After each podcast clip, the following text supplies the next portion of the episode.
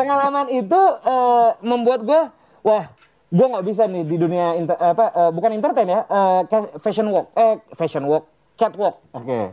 Di gue dunia suka fashion lah di ya. dunia fashion gue nggak suka Lu bahasa Inggris lu berantakan. Sini belajar sama gue deh. coba ajarin Dunia fashion. fashion Fashion world. fashion world Nah, gitu. Wede, yang bule dia nih so bule nih Eh gue bule, bule gue bule Arab. Bule Arab ya? Iya. Bahasa Spanyol coba gue tantangin. Nggak bisa. Ah udah nggak usah ngomong.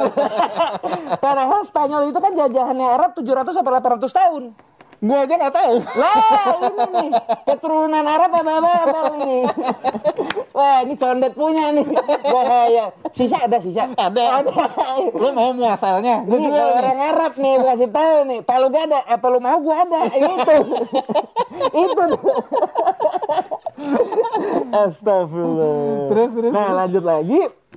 Akhirnya gue ngomong. Gue Waduh gue nggak bisa nih kayak gini nih. Hmm. Masih orang yang nawarin gue. Sorry nih. Lumayan duitnya gitu kan. Hmm. Cuman gue di sini nggak mencari duit. Gue mencari duit dengan yang bener gitu. Kalau gue udah udah disentuh dan segala macam, sorry, gue bukan eh, apa ya, sorry tuh saya kata-kata kasar, bukan itu gue. Hmm, Gue bukan itu gitu. Maksudnya lu dengan lu sentuh gue, lu mau ngasih wah ada otak gue masih berpikir coy. Gue bisa Oke. masih nyari duit dengan dengan apa eh, nalar pikir gue gitu, nggak Hmm. nggak dengan cara lu sentuh semua. Gue gak suka. Akhirnya gue keluar, terus gue mencari tahu, oh dunia entertain di Jakarta, gue buta ya. Hmm. Pas saat itu entertain ya. Pusatnya di Jakarta. Hmm. Satu tahun kemudian atau kurang, itu enam bulan lah ya, enam bulan, 8 bulan itu gue memutuskan ke Jakarta Pindah. pindah ke Jakarta. Gue nggak kenal siapa pun di sini. Oke. Satu pun orang. Gue bermodal 5 juta. Nah. Gue nggak mau gue nggak tahu mau kerja di mana. Gue nggak tahu mau ngapain, mau ngekos di mana. Gue nggak tahu. Yang penting nyali aja lu nomor satu tuh. Gue memberanikan diri. Gue beli pesawat satu setengah juta pada saat itu gue masih ingat banget. Beli tiket Beli pesawat. tiket pesawat. Beli pesawat tajir banget lu. Iya enggak maksudnya ya astagfirullah ini bikin emosi juga. Lah, bener gak gue? Ini Bener berarti gue? ini, ini si kawan nih sifatnya harus detailing terus nih. harus detail banget ya kan? Ah, kelihatan nih ya kan. Dari jenggotnya detail terus ya kan. nah, habis itu eh, gue sisa tiga setengah juta. Eh, Gue searching sampai Jakarta sampai Soekarno Hatta gue searching sekolah acting. eh. Akhirnya ada di Tebet. Eh, itu namanya tuh Sakti Aktor Studio sama Bang Eka Sitorus. Dia lulusan Amerika. Wah bagus sih. Hmm.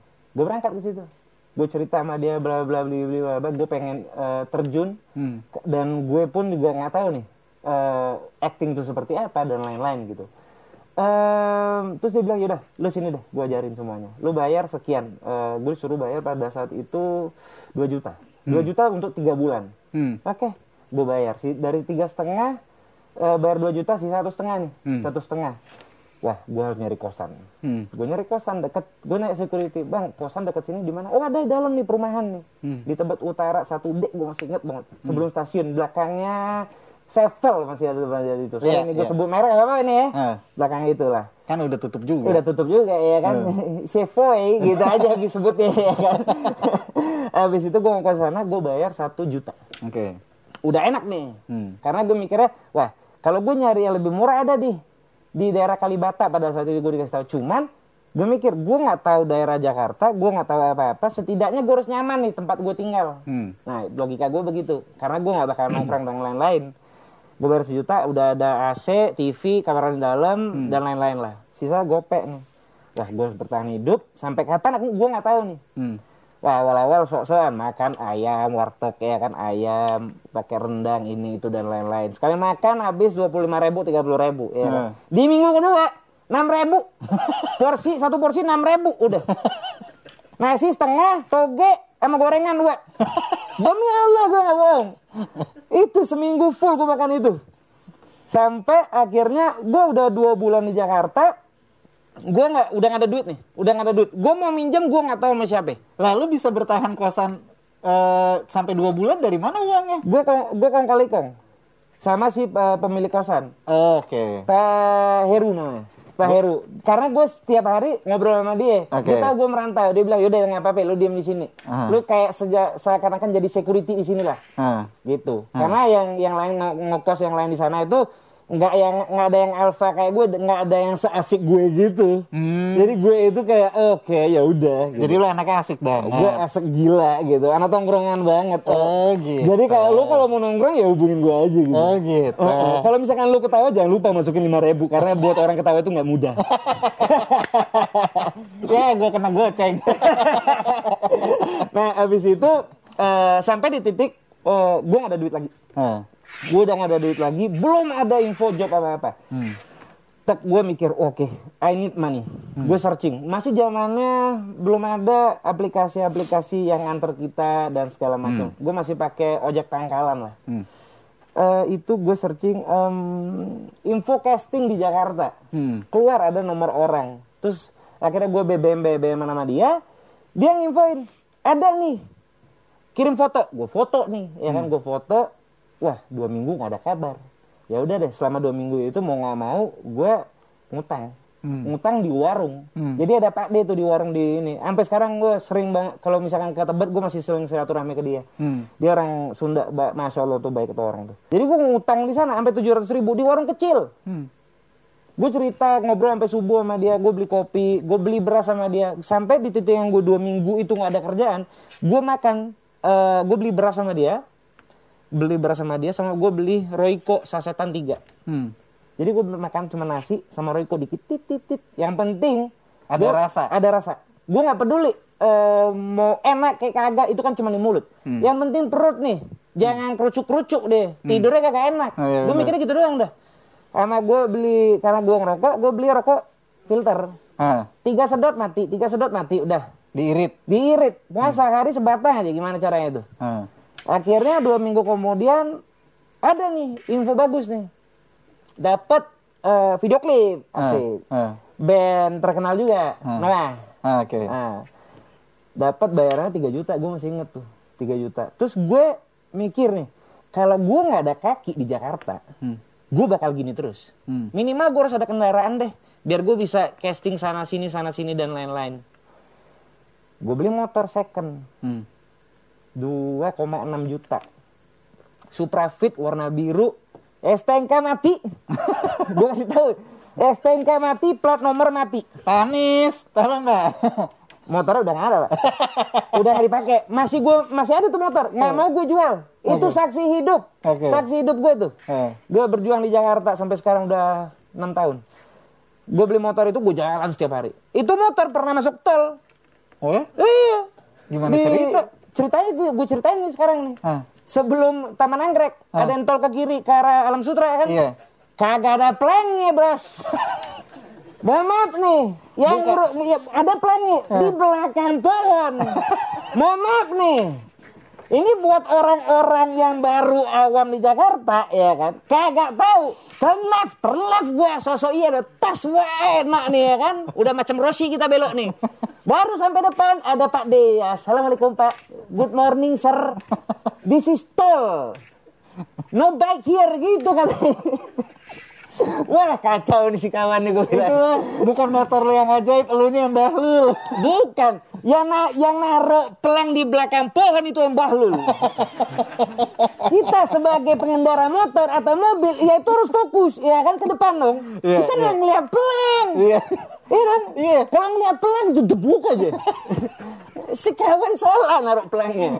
Ya tapi bener juga sih. Bukan salah pelangnya, naruh pelangnya. Iya, yang naruh pelangnya. Bukan. Siapa dong? Ya nanam pohon sampingnya.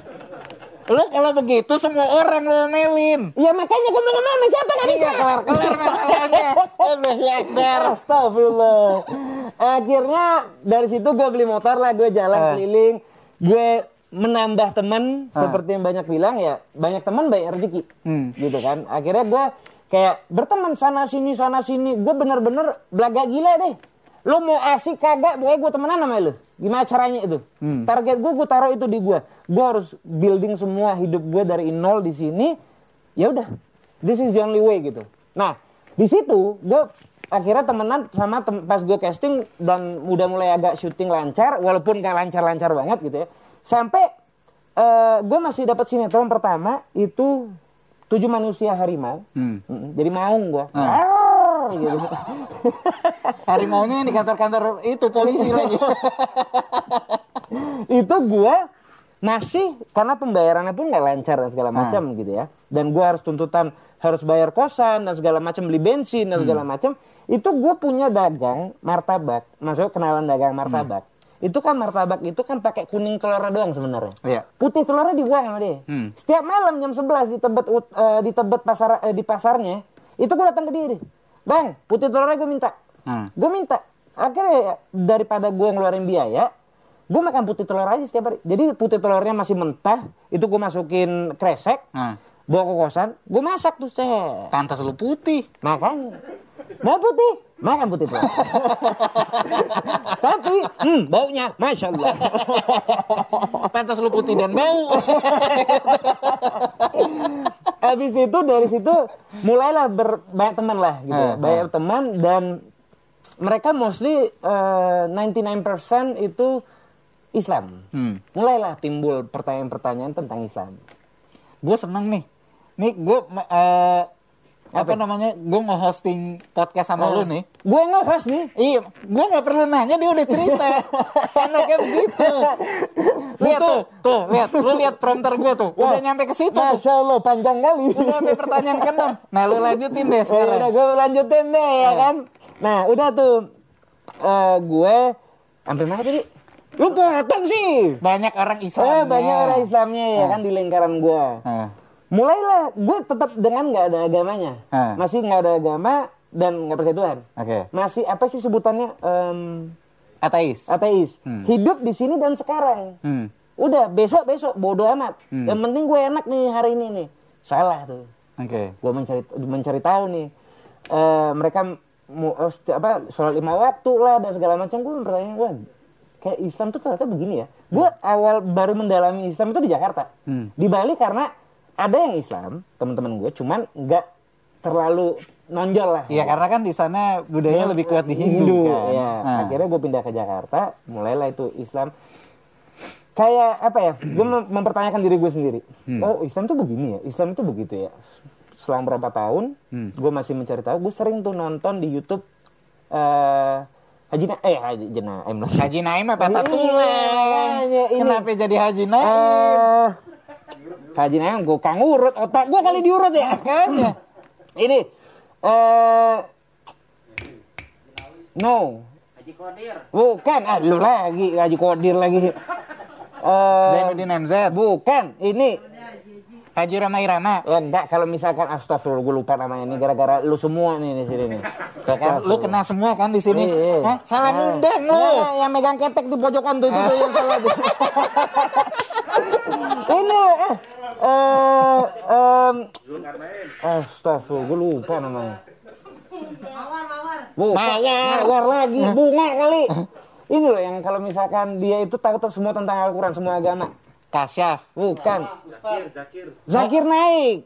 Oh, Ustaz Zakir Naik. Iya. Yang dari India. Iya. Oke. Gue sering nonton dia tuh selama beberapa bulan. Iya, iya. Gue banyak di situ kan yang memberi dia pertanyaan Hmm. dan alhamdulillahnya dia bisa ngejawab Hmm. gitu.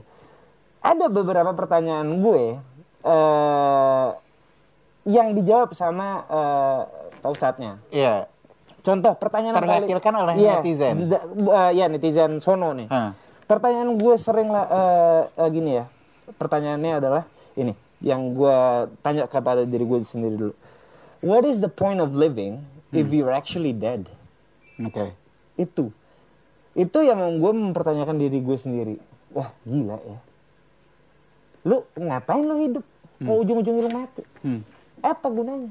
Maksudnya gue nggak memikirkan ya sekarang ini adalah ujiannya gitu untuk nanti gitu kan. Hmm. Sekarang gue tahu jawabannya dan gue udah berdamai sama jiwa gue sendiri. Hmm. Zaman dulu gue belum berdamai sama jiwa gue sendiri dengan apa yang gue udah pernah ngelewatin dengan masih kecil gue, remaja gue gitu. Itu membuilding gue seperti itu saat itu gitu kan. Hmm. Akhirnya gue mulai mendalami, gue ketemu beberapa orang dan segala macam yang ngerti agama gitu ya. Karena gue ke, kadar kekepoan gue itu terlalu tinggi um- untuk Islam pada saat itu. Oke. Wah tinggi banget. Hmm. Gue bisa dari jam 9, 9 ma- malam ngobrol sampai jam 9 malam pagi lagi tuh. Muter aja pertanyaannya tuh. Itu trigger hidayahnya sebenarnya kan? Iya. Iya kan? Itu trigger hidayah dari situ gue ngerasa wow. Gila ya. Kayak gue juga memberikan pertanyaan kepada beberapa teman gue. Wah gila sih. gelas nih. Hmm. Gue ngomongin air hujan ya, air hujan. Hujan, til, til, til gitu kan jatuhnya tis, tis, tis Hmm. gitu, tetes, tetes gitu kan. Perasaan kalau di lagu bunyinya tik tik tik bunyi. hu.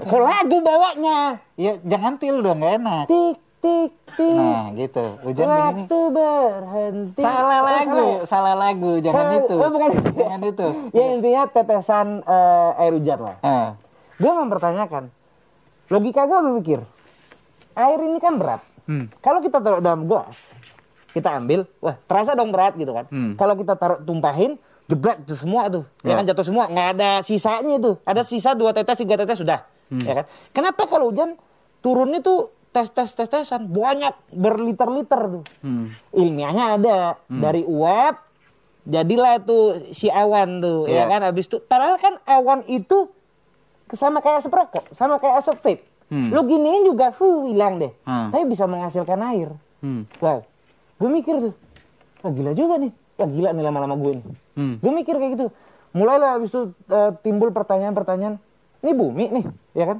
planet-planet yang lain ini di angkasa ini ada apa nih Hmm. ini kalau kita ke sono lurus ke sono ada temboknya kagak ada apaan? ada apaan ya wah gue udah mikir wah makin gila gue nih Hmm. ke, ke, ke situ arah pemikiran gue gitu logika gue kenapa ke sana gitu Hmm. what's wrong with me yang di mana gue orang sebenarnya cuek dengan hal-hal seperti itu Hmm. akhirnya gue ketemu eh, gue ke ujung genteng Pantai nih. pantai ini Eh, terus ada orang ngobrol-ngobrol gue beli kopi Hmm. ternyata dia ustadz Hmm. aduh gue lupa nama ustadznya ya pokoknya intinya dia eh, ustadz lah Hmm. Ngobrol-ngobrol-ngobrol dia nanya agama gue gue bilang ya gue gak punya agama Hmm. terus dia bilang nggak boleh gitu Hmm. ini arahannya aja Hmm. adik ketemu saya ini sudah diarahkan alah sok tahu lo gue gitu nggak defense Ah, ah. defense gue Ya kan denial lu tinggi. denial gue tinggi Ah. karena dari pengalaman gue nih ya Iya, kan m- terciptalah denial seperti itu terus dia bilang gue nanya sama dia what is the point of living if you're actually dead Hmm. gue nggak tahu tujuan hidup gue apaan Hmm. gue tahu taunya udah seneng sehari gue pagi gue bangun kopi senang senang seharian kalau ada kerjaan kerja malam pulang tidur deh gitu. Itu doang tuh kalau seharian tuh. Terus dia bilang sama nih kayak lu dia bilang. Gue kasih contoh nih. Ini contoh yang bagus loh. Lu beli HP ya dapat apa aja? gitu. Ya ya dapat gue bilang dapat kotaknya dapat HP-nya casan Hmm. headset Hmm. buku panduannya dan lain-lainnya sama bil sama notanya itu gue bilang. Nah itu tuh. Kalau misalkan lu udah hidupin HP-nya terus ada yang lu nggak ngerti lu apain? Lihat ya buku buku panduannya gue baca. Ya sama kayak hidup lu lah gitu deh. Hmm. lu ada yang nggak ngerti dari hidup lu? Lu bu- baca buku panduan lu. Apa? Agama lu apa? Itu buku panduan lu. Hmm. tergantung agama lu apaan. Masya allah. Kena gue Langsung tuh di situ. kena gue nggak mualaf dulu gue Hmm. Ma kena gue wah gila sih oh iya benar juga wah kacau nih Hmm. makin mendalami makin mendalami gue akhirnya tid- dua hari sempat nggak tidur Hmm. karena ma- mulai itu gila ya gue Hmm. mikir keras ngobrol sama temen dan segala macam Muncul pertanyaan dalam muncul diri. pertanyaan diri gila ter- tulang tuh terbuat dari apa sih? Kenapa bisa ini? Kenapa bisa begini itu dan lain-lainnya gitu. Kenapa gue di kok begini ja- proses hidup gue gitu? Kenapa keras banget dari kecil? Kayak gue tuh kadang-kadang pas gue itu throwback gue gue pas kecil itu kayak iri sama teman-teman gue yang punya keluarga yang bahagia. Hmm. gue iri. Tapi ya inilah proses hidup gue gitu. Akhirnya kalau gue nggak melewati masa kecil gue yang seperti itu gue nggak akan setaf sekarang. Hmm. Bahkan gue lihat teman-teman gue yang dulu dimanjain sama keluarganya mereka lembab banget lenje. Dan gue bangga gue lewatin itu. Akhirnya singkat cerita dua hari dia yang gue nggak tidur gue tidur akhirnya. Hmm. gue tidur selama 10 jam gue gue tidur 10 jam tek hal yang pertama kali gue lakuin bangun gue nggak tahu biasanya gue tuh ambil kopi langsung. Hmm. gue ke kosan samping teman gue di kamarnya ambil buku panduan sholat yang warna ungu gue inget banget itu Hmm, buku iya, masih ada iya, tuh lu iya, pasti tahu tuh. iya, iya. yang yang kertas itu warna abu-abu Ada gambar orangnya tiga betul di depannya. itu gue ambil karena dia Oh, eh, gue pikir salah satunya orangnya itu lu, bukan? Kagak, bukan gua. Oh, bukan, iya. Orangnya kagak, itu dia pendek dia. Gua, gua gede bongsor. gua ambil. gue baca-baca, gue baca-baca. Seminggu kemudian, alhamdulillahnya gue mualaf.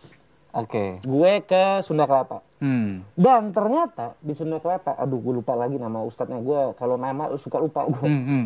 Dia ternyata dia bilang, eh dia itu dulunya Katolik. Oke. Tapi yang saking cintanya dia sama Tuhan Yesus, Hmm. dia berangkat ke Yaman untuk belajar agama. Daerah gue Nah, iya, Yaman. iya. Madunya enak tuh. Enak. Ada kagak? Mahal tapi. Ya nggak apa-apa. Duit mah dapat. Eh, gila. Iya, kalau duit mah endorse masuk terus, Bos. Influencer guys, edan gitu. Gila. Aduh, astagfirullah. Terus dia berangkat. dia berangkat tuh katanya.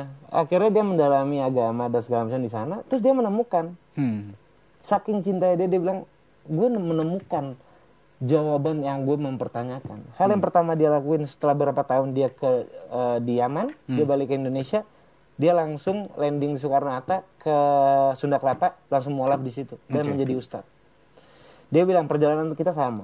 Hmm. Pertanyaan ka- kamu sama kayak saya. Nah, yang gue pengen tanyain adalah ketika lo sudah memantaskan diri atau memutuskan menjadi seorang mu'alaf, apa yang lo rasa susah untuk dirubah dalam diri lo? Dari daripada gue ke arah sana, Hmm. gue mundur nih Fer. Gue nggak mau, gue nggak mau nyentuh agama dan gue nggak membuat agama itu sebagai jokes. Talata Ithnan Wahid. Wassalamualaikum warahmatullahi wabarakatuh.